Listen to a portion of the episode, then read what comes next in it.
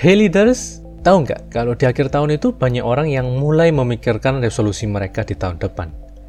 Apa kamu juga tim nulis resolusi?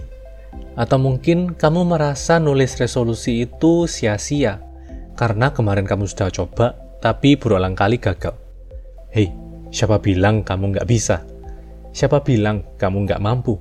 Hanya karena satu kegagalan, bukan berarti kita boleh menyerah untuk selamanya. Lawan rasa takutmu lawan keraguanmu. Hidup itu seperti roda berputar. Ada hari saat kita berada di atas, merasakan senang dan bangga, tapi ada juga hari saat kita berada di bawah, tenggelam dalam rasa penyesalan dan juga minder. Ada hari ketika kita bisa melaju kencang, ada hari ketika kita harus melambat. Tapi setiap roda memiliki arah yang dituju. Kita akan selalu haus untuk terus melaju meskipun diperhadapkan dengan masalah yang berat, kita akan berada di level yang berbeda.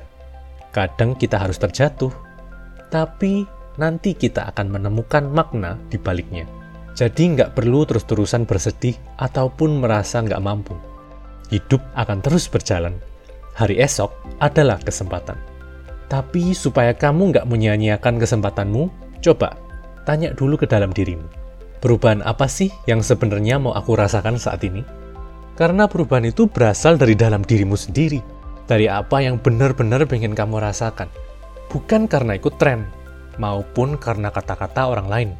Kamu, calon-calon leaders masa depan, yang paling mengerti dirimu sendiri. Kamu yang paling bisa mengendalikan dirimu menjadi pribadi yang lebih tangguh. Kamu, leaders, punya kekuatan untuk mengubah keadaan terburukmu. Yuk jalani 2022 dengan lebih baik.